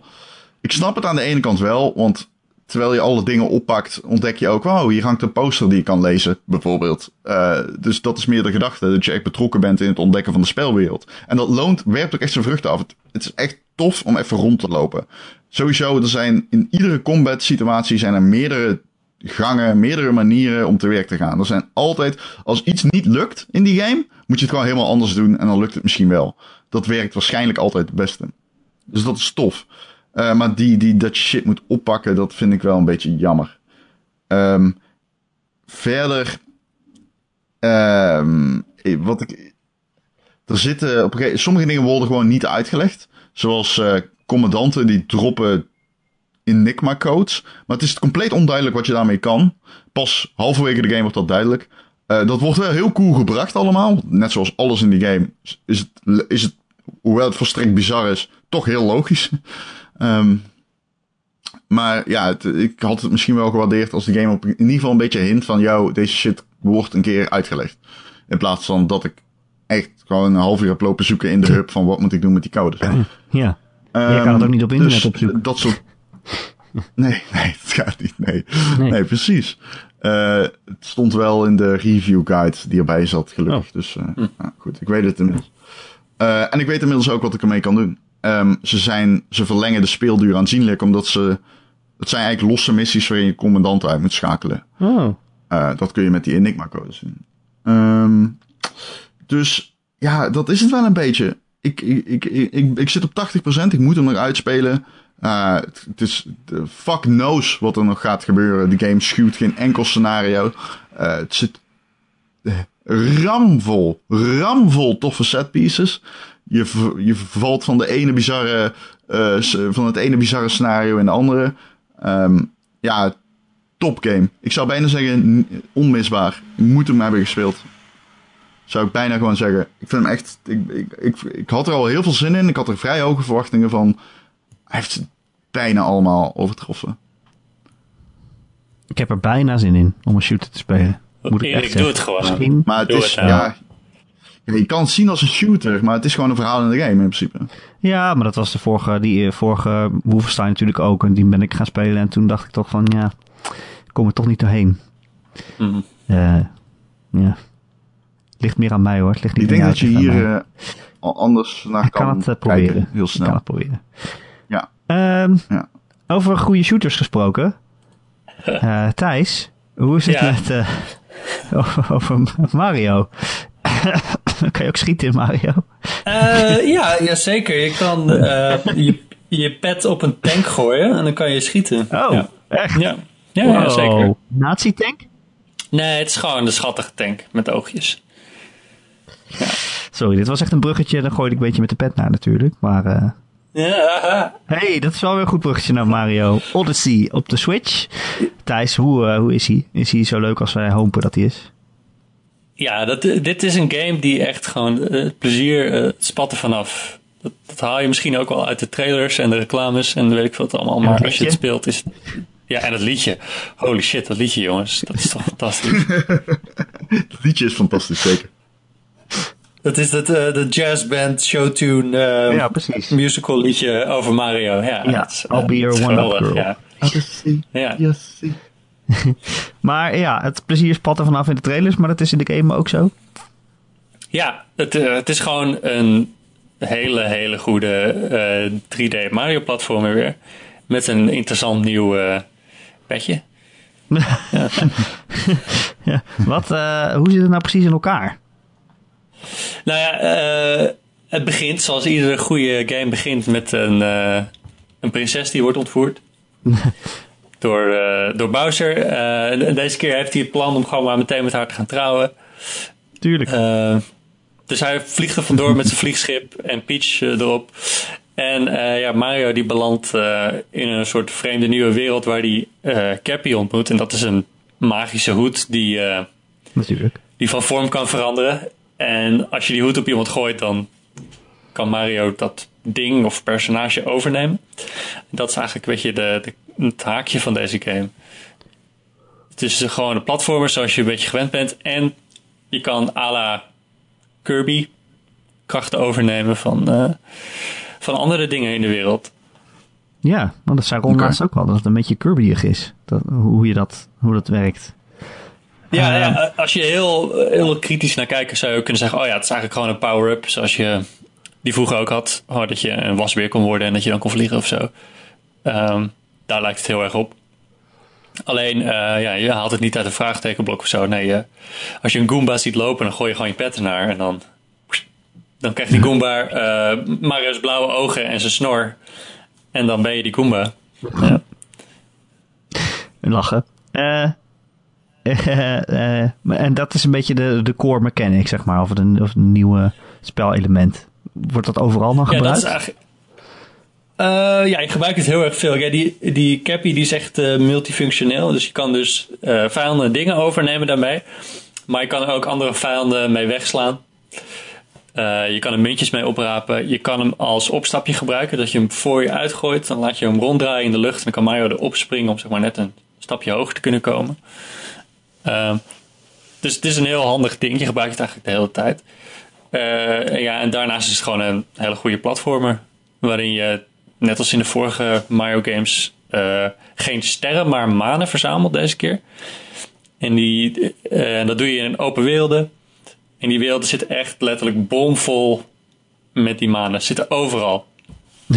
en ja, bij iedere nieuwe wereld krijg je doel van... oké, nou je moet er zoveel halen en dan mag je doorvliegen naar de volgende. Eh, maar als je wil, kan je gewoon uren in dezelfde wereld blijven hangen en proberen alles te vinden. Want er is. Het zijn er zoveel. Ik, ik zit nu op 601. Holy shit, manen? Ehm, ja, oh, 601 manen, ja. Ehm, ik denk dat het er iets van 700, 800 zijn in totaal. maar ik heb die hem wel gewoon ergens? Er- liggen ze ergens gewoon op straat? Ja, of moet je er iets voor doen? Sommige liggen gewoon op straat. Soms kom je in de wereld aan en dan zie je er meteen al vier in de lucht hangen. En denk je, oké, nou daar en daar moet ik naartoe. Eh, andere maanden, nou, daar moet je echt een missie voor doen. Moet je bijvoorbeeld iemand uit de brand helpen. Ehm, je kan ze kopen in winkeltjes. Soms zie je ergens eh, op de grond wat glimmen. Nou, als je daar zo'n ground pound op doet, dan komt ineens een maan uit de grond geschoten. Eh, soms zit er in een lantaarnpaal een maan. Gooi je je pet tegenaan, nou, dan valt die maan eruit. Natuurlijk. Ga zo maar door. Het zit, eh, de, die game die heeft honderdduizend manieren om eh, eigenlijk eh, gevonden om die manen te verstoppen. En ja, dat, dat, dat ga je ook allemaal doen. Want het is hartstikke leuk allemaal. Dat is echt uh, het coole eraan. Het is zo creatief. Het is zo afwisselend van wat je nou aan het doen bent. En er zit overal wel een geheim verstopt. En dat. Ja. Ik, heb, ik dacht heel vaak, nou, ik, ga deze, ik ga die kant op en dan uh, ga ik daar kijken wat er aan de hand is. En onderweg daar naartoe kwam ik al zoveel dingen tegen dat je gewoon afgeleid raakt. En dan ga je iets anders doen. Um, maar het is niet zo dat je echt. Ja, er is wel een hoofdverhaal en dat is, dat is gewoon vrij standaard. Uh, je moet de prinses redden en je bent steeds net te laat uh, in de wereld om zeg maar, te voorkomen dat Bowser de, de, de boel overhoop gooit. Um, maar het is niet zo belangrijk dat je je schuldig voelt dat je gewoon heel andere dingen aan het doen bent. Want er is zoveel te zien en te doen in elke wereld. Ja, maar... En, uh, ja. Ja, het ja. klinkt een beetje als, als de Zelda-manier van, van gameontwerpen. Gewoon van het eigenlijk het ontdekken uh, ja, en, uh, en dingen tegenkomen is, is de game. Ja, het deed me heel erg denken aan Breath of the Wild inderdaad ook. Want die game van die Korok Seeds. Ja, en die waren best wel eentonig. Er waren iets van vijf of zes manieren waarop die verstopt zaten eigenlijk. Ze zaten onder een steen of je moest een bepaald blok in een figuurtje terugstoppen. Of uh, nou ja, dat soort dingen waren het steeds. Um, en Mario doet dat eigenlijk veel beter. Er zijn veel meer uh, manieren waarop die manen verstopt zitten in de wereld. Dus het voelt niet zo als, uh, ik ga weer, hier is weer een kork ziet. Oké, okay, nou, het boeit me eigenlijk niet meer. Nee, hm. je wil ze gewoon allemaal hebben. Want het is leuk om een maan te krijgen. Ja. En heeft, heeft elke wereld dan ook nog een doel? Of is uh, zeg maar een eindbaas of zo? Of een eindding? Of, of toch een ster om te verzamelen? Of nee. is het gewoon inderdaad uh, blijven totdat je genoeg manen hebt? Ja, nou ja, zeg maar het hoofdverhaal is, je gaat steeds van, van wereld naar wereld. En je, je schip waarmee dat doet, je luchtschip, die heeft manen nodig als brandstof. Ah. Dus die ga je verzamelen in de nieuwe werelden, dan lever ze weer in en dan kan hij verder vliegen. Um, en in iedere nieuwe wereld waar je komt, is er dan een groot probleem. Er is een eindbaas die de boel loopt te verstieren. Nou, dan moet je die zien te verslaan. En dan opent zich eigenlijk de weg naar de volgende wereld. Um, en dat gaat zo door totdat je uiteindelijk Peach bevrijdt en Bowser hebt beslagen en noem maar op. En dan opent het echte spel zich eigenlijk pas. Want dan ga je oh. voor de volle 100%. Ja. Dat is een, beetje een methode die de vorige 3D Mario games ook hebben aangehouden. Dat ja. had ik bij Galaxy bijvoorbeeld ook heel erg van. Ja, het, het, is, het is cool. Uh, maar pas nadat je Bowser hebt verslagen, dan begint het echte werk pas. Want dan ga je, krijg je extra moeilijke uitdagingen. Dan uh, openen zich ook weer heel veel nieuwe bonuswerelden en geheime uh, tunnels en dingen die je kan doen. Um, dus het kost misschien 7 uur of zo voordat je pauze hebt verslagen. En dan, ja, dan kan je nog gerust 20 uur gaan zoeken naar de rest. Ja. Oké, okay. dat is ook weer niet super lang, heb ik zo het idee. Ik bedoel, het geen zelden nee, tijd. Nee, nee, het zijn geen zelden tijden. Nee, zeker niet. Nee, ik zit nu, ik denk dat ik al bij de 30 uur in de buurt kom inmiddels. Uh, en ik heb 601 maanden, dus het spel is niet zo heel erg duidelijk in van hoeveel het nou in totaal zijn. Oké. Okay. Of het er nou ja, 700, 800 zijn, het zou goed kunnen. Uh, maar voor mijn gevoel is er nog een heleboel te vinden. um, maar inderdaad, ja, nee, het is, een, het is een Mario game. Het is niet zoals Zelda dat je echt 100 uur gemakkelijk erin kwijt kan. Nee. Nee. Al zou het me niet verbazen dat het me nog 100 uur kost om echt alles te vinden. Want sommige ja. dingen zitten zo goed verstopt. Als je dat zonder guide zou doen ja. of zo, dan. Uh... Ja, ja, ja ik ben benieuwd. Kijk, ik heb hem natuurlijk gerecenseerd, dus ik had hem wat eerder. Uh, ik kon niks opzoeken verder. Maar ik vraag me af of er iemand is die hem al uh, voor de volle 100% heeft gehaald. Dat kan ik bijna niet, uh, niet geloven eigenlijk. Net van die mensen. Ja, ze bestaan. Ja, absoluut. Ze bestaan. Ja. Nou, ik, heb, ik heb echt zo fanatiek gelopen spelen. Want het is echt gewoon een hele leuke, vrolijke game die elke wereld weer iets anders doet. En er zitten zoveel leuke kleine details in ook. Um, um, mag ik iets vragen? Ja. Um, ja. De, waar die game mij tijdens mijn eerste speelsessie aan deed denken was de spelbeheerder van Galaxy introduceerde steeds nieuwe mechanics. Mm -hmm. Doet deze game dat ook? Dat je steeds van mechanic naar mechanic gaat? Ja, ja dat, doet deze game ook heel erg. Ja. Ehm, elke wereld heeft wel zijn eigen unieke soort vijand die je dan kan overnemen. Eh, en die zorgen dan ook eh, een beetje voor die afwisseling inderdaad. Dus als je een soort bosachtige wereld, dan kan je een soort uh, bloembolvijand overnemen. En die kan zijn benen heel lang uitstrekken, zodat je ook heel erg lang wordt. En dan zijn er allemaal puzzels en platformstukjes die daaromheen zijn gebouwd. in New Donk City, dat is dan de grote stadwereld waar Mario dan op een gegeven moment terechtkomt. Daar heb je allemaal elektriciteitskabels waar je je pet tegenaan kan gooien. En dan kan Mario als een soort uh, ja, uh, stroomstoot daardoorheen vliegen. Um, er zijn oh ja. uh, taxis waar je op kan stuiteren, ehm, scooters waar je op kan rijden. Ja, noem maar op. Het is, elke wereld heeft eigenlijk zijn unieke eigen haakje en een heleboel maan om te halen. En ook zijn eigen munt, muntsoort. En met die munten kan je dan weer souvenirs kopen. Dat doet verder niet zoveel voor de gameplay, maar je kan dan je, je, je vliegschip kan je dan mee aankleden met stickers en met uh, standbeeldjes en kussens voor op de bank. En uh, je kan nieuwe outfits voor Mario kopen, wat ook geen effect heeft op de gameplay, maar er gewoon heel erg leuk uitziet. uh, dus dat, is heel, dat vond ik ook heel erg leuk. Want toen van, oké, nou, ik ga nu naar deze wereld, dan doe ik mijn cowboypakje aan. Dat, uh, dat, past hier wel goed bij. Oké, dan ga ik nu naar uh, deze wereld waar dinosauriërs rondlopen. Nou, dan verkleed ik mij als holbewoner. en dan, dan, dan, dan, voelt het helemaal goed. Ja. En dan kan je je pet gooien op een T-Rex en dan ben je een T-Rex. Ja, zo'n game ja, is het. dat wil je. Ja, dat wil je toch? Dat, dat is toch de droom? Gewoon een beetje aanklooien. Ja, tuurlijk. Ja, dat is ja maar een T-Rex heeft een snor. Ja, ook wel een Mario pet op. Ja, dat toch... Oh, uh, wat heb ik veel zin in deze game. Dit is niet normaal. Ja, ik ga hem Dat is gewoon niet normaal. Mijn hoofd ontploft. Uh, hoe, hoe zijn die werelden? Ik, ja, ik wil eigenlijk niet gespoild hebben wat er allemaal in zit. Maar is, is het een beetje uh, gevarieerd? En, en ja, dat je ja, ja, die werelden zijn echt... nu? Ja, die werelden zijn heel erg gevarieerd. Ook gewoon in, in stijl. Nou, hebt bijvoorbeeld dat New Donk City. Dat is echt een soort realistische metropool. Um, de mensen die daar rondlopen, die zien er ook gewoon echt uit als mensen. En dan komt Mario er tussendoor lopen, die uh, ongeveer tot op knieën komt. Uh, en daar eigenlijk helemaal niet tussen lijkt te passen. En dat is heel grappig gedaan. En de andere werelden hebben dat eigenlijk ook een beetje van. Het, zijn, het is een hele rare mix van stijlen.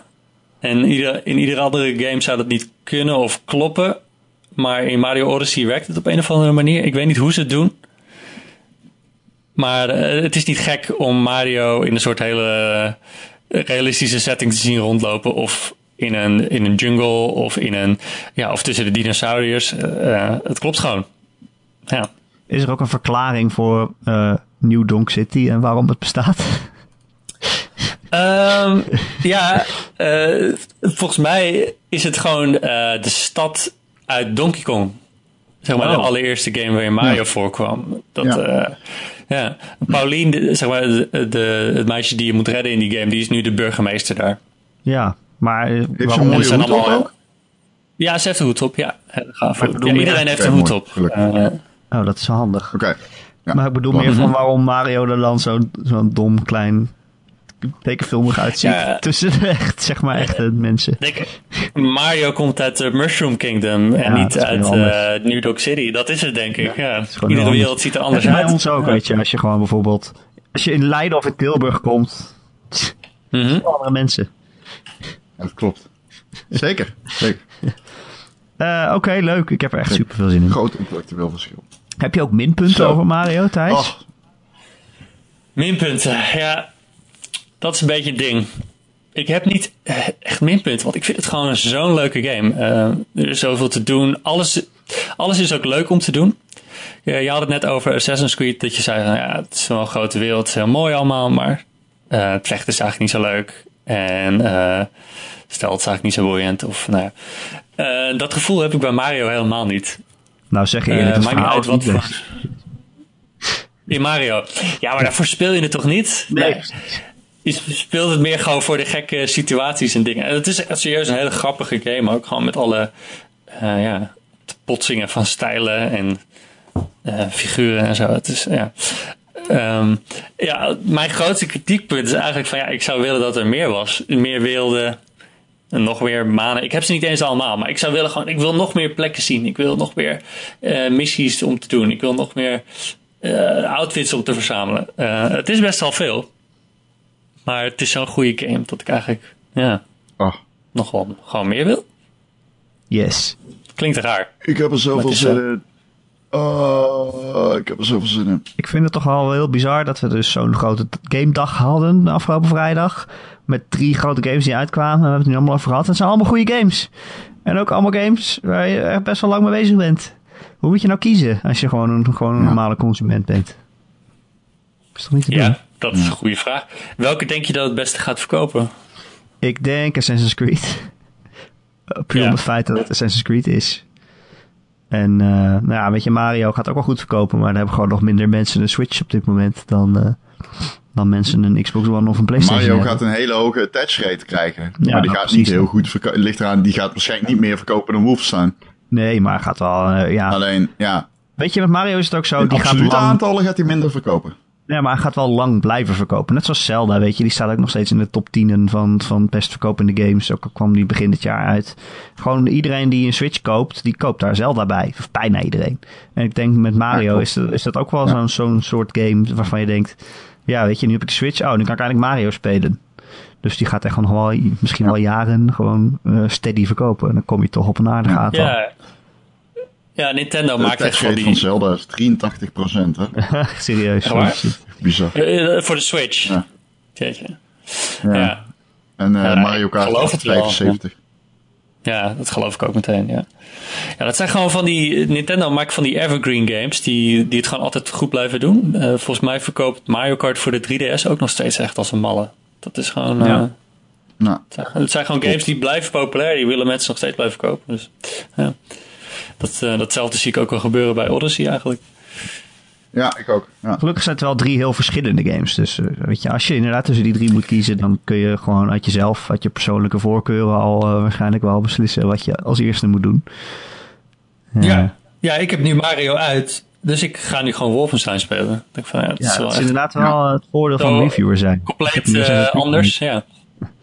Ik heb Assassin's Creed uit en Mario ligt op me te wachten. Dus eh dat is wel fijn, ja. Dat ik die al even uit de weg heb geruimd. ja. Als het ware. Ja. Ja, precies, dat heb ik ook. Ik ben blij dat ik Wolfenstein achter de kiezer heb dadelijk. Want, maar het kutte bij mij is dus, ik, bij mij komt er meteen Call of Duty achteraan. Oh ja. En daar gaat echt veel tijd in het reviewproces zitten, omdat het eh, toch wel echt een multiplayer game is ook. Ja, ja, ja. En jij bent Call of Duty expert. en bij Call of Duty eh, komt er dan nog een heleboel... eh, sorry, wat zei je Erik? Ja? Pardon. Ja, je bent Call of Duty expert, dus je moet wel goed in verdiepen natuurlijk. En, eh, Zeker, zeker. Zeker als Call of Duty expert en volleerd Burger King, Burger King expertist. ehm, is het heel belangrijk om eh, die twee dingen ook te combineren. Ja. Nee, eh, maar wat- wat, wat wel echt zo is bij Call of Duty, je moet echt die redden checken en zo. Omdat je balans in dat soort games kun je niet alleen uit eigen ervaring opmaken. Mensen die zeggen, yo, ik weet precies wat de balans is van Call of Duty na een week spelen. En dat heb ik helemaal zelf uitgevonden. Die liegen. Je moet gewoon checken wat andere mensen voor wapens hebben. Wat zij terugkoppelen aan jou. En of dat goed werkt. En of dat goed is tegen dit en dat. En of er bepaalde dingen zijn die je in opvolging van elkaar kan doen. Die beter werken. Want balans is zo moeilijk. En daar kun je, dat ga je, daar kun je echt niet over één nacht ijs gaan. Dat, Nee. Dus ja, Call of Duty, ik zal hem gewoon fucking veel moeten spelen. Met mensen die hem ook fucking veel spelen. En veel eh, online zitten om te kijken wat er precies allemaal, eh, nou ja, over gezegd wordt door anderen. Want ja, in zo'n game kun je echt niet alleen afgaan op wat je zelf eh, ervaart. Want ja, ik hel, voordat ik weet hoe één wapen knalt, ben ik al tien uur verder, weet je wel, online. ja. Nou, succes Ron.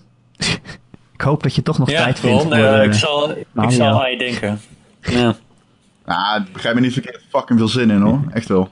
Ik ook. ik Oh, ook. eh, nog één ding over Mario trouwens. Je kan ook eh, een putdeksel worden. Dat is wel echt heel vet. dat is even belangrijk Ah, om dat is te lid. doen. Wat, wat, Ja. wat kan je dan? Jezus, fucking Eh, dan kan je zeg maar de, de riool openen. Dan ga je gewoon, dan schrijf je aan de kant en dan eh, kan je het riool in. Oh, cool.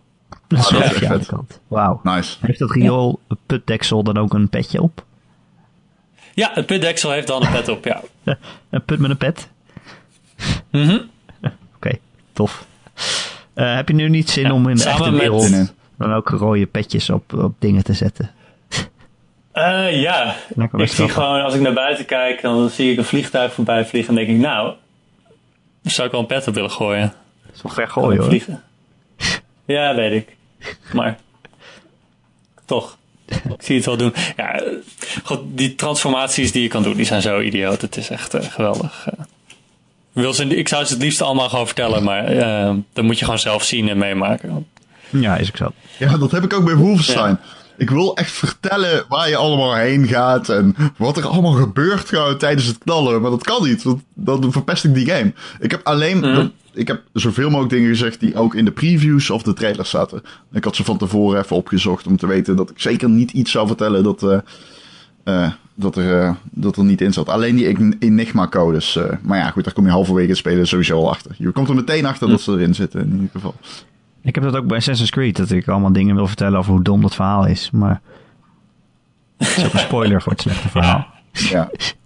Ja, ik zeg, een van de laatste werelden in Mario Odyssey, die is zo cool. Maar ja, ik ga daar niet eh, over vertellen. Zeg, Moet je zelf maar laat het achterkomen. over... eh, Nee. Ja, moet je gewoon zien. Hele goede muziek. Ik heb ook echt een hele monoloog gehouden over, die, over, over Wolfenstein. Op een gegeven moment dacht ik, ja, misschien... Ik weet eigenlijk nou niet meer waar ik het over moet hebben. Volgens mij heb ik alles al verteld. En dan ben ik klaar met vertellen en dan denk ik, oh shit, maar ik heb dit niet verteld. Dus op een gegeven moment moet je jezelf maar ook gewoon in bescherming nemen. Tegen Ja. de spoilers. Ja, is ook zo. Ja. Ik kijk niks meer van Mario. Ik heb al die trailers en zo niet gekeken. Alleen het liedje, de clip. Wat is zo leuk. Liedje, Nou, dan heb je- sea, yes, sea. Dat is hem, hè? Toch? Ja, Eh, dat is spoiler een zeker. alert. Ah, die is... Even spoiler alert, maar eh, volgende week is er ook weer een nieuwe Gamer.nl podcast. Die kun je namelijk... eh Dat is geen spoiler, Erik. eh, hoezo niet? Heb ik toch even geklapt. Die kun je elke Ja, iedereen maandag... heeft nu zijn, zijn telefoon weggelegd. ja, dat is die redstelefoon weggelegd. Kut, spoiler alert. Nee hoor. Eh, maandag kun je hem Oh, gewoon downloaden via onze website gamer.nl. Eh, luisteren via YouTube of via eh, Soundcloud of eh, Stitcher of allemaal andere podcast apps waar je op kunt abonneren op je telefoon. Dat is natuurlijk super handig. Dan kan je hem automatisch downloaden. heb je ons altijd bij je. Super gezellig. Bijvoorbeeld via iTunes, als je Apple-apparaten hebt. En als je dat toch bent, dan vinden wij het heel fijn als je een keer een sterrenratingje achterlaat. Misschien een stukje tekst. Eh, want eh, ja, hoe meer ratings we hebben, hoe beter we vindbaar zijn voor nieuwe mensen. En daar help je ons gewoon enorm mee. Dus dan zijn we zeer dankbaar. En dat doen jullie ook eh, best wel eh, braaf. We hebben er al best wel veel. Toch, Ron? Ja, Ja, Zeker. We zijn eh, de 74 gepasseerd. Nee, de 73. En eh, ja, er is, maar, eh, er is maar één optie. We moeten naar de 100. We moeten naar de 100. We moeten naar de 100. Dan zijn 100 we Ronbert. by far de Nederlandse game podcast met de meeste recensies. Is dat goed? Dus road to 100 reviews on Wow. iTunes. Let's fucking get it, boys. Kan je niet nog wel iets weggeven En dames en heren. en alles daartussen. Ja, eh, ik geef mijn kamerplant weg. Nee, Wow. ik geef Eriks ongeboren kind weg. Eriks volgende ongeboren kind. Oh. Dames en heren, jongens en meisjes, laat een recensie achter voor Johan, het ongeboren kind van Erik en Nara. Johan? Johan. Holy shit. Ja, maakt niet uit welke. Nee, dat hoeft niet. Nee, nee, nee, het wordt Johan. Oh, oké. Eh, Unisex. Eh, heb je een vraag voor de podcast of een opmerking? Dan kun je mij mailen. Erik met een k.gamer.nl Eh, Of je kan gewoon een reactie achterlaten in de comments onder het artikel waar je deze podcast vindt op maandagochtend. En dat kan gewoon de hele week. Moet je wel even terugscrollen. Maar ik lees alles. Ik lees alles. Eh, Thijs, dankjewel Ik dat je te gast wilde zijn. Jij bedankt, Erik. Dat ik de gast Ja. mocht zijn. En Ron ook bedankt dat, dat je er weer was. Gewoon dat je bestaat Ja. überhaupt. Jij bedankt. Jij bedankt. Jij bent er altijd. En op tijd. Geweldig. Ik hou van jou. ik hou van jou, Ron. En volgende week zijn we er weer. Tot volgende week. Dag. Doei, doei, doei, doei, doei.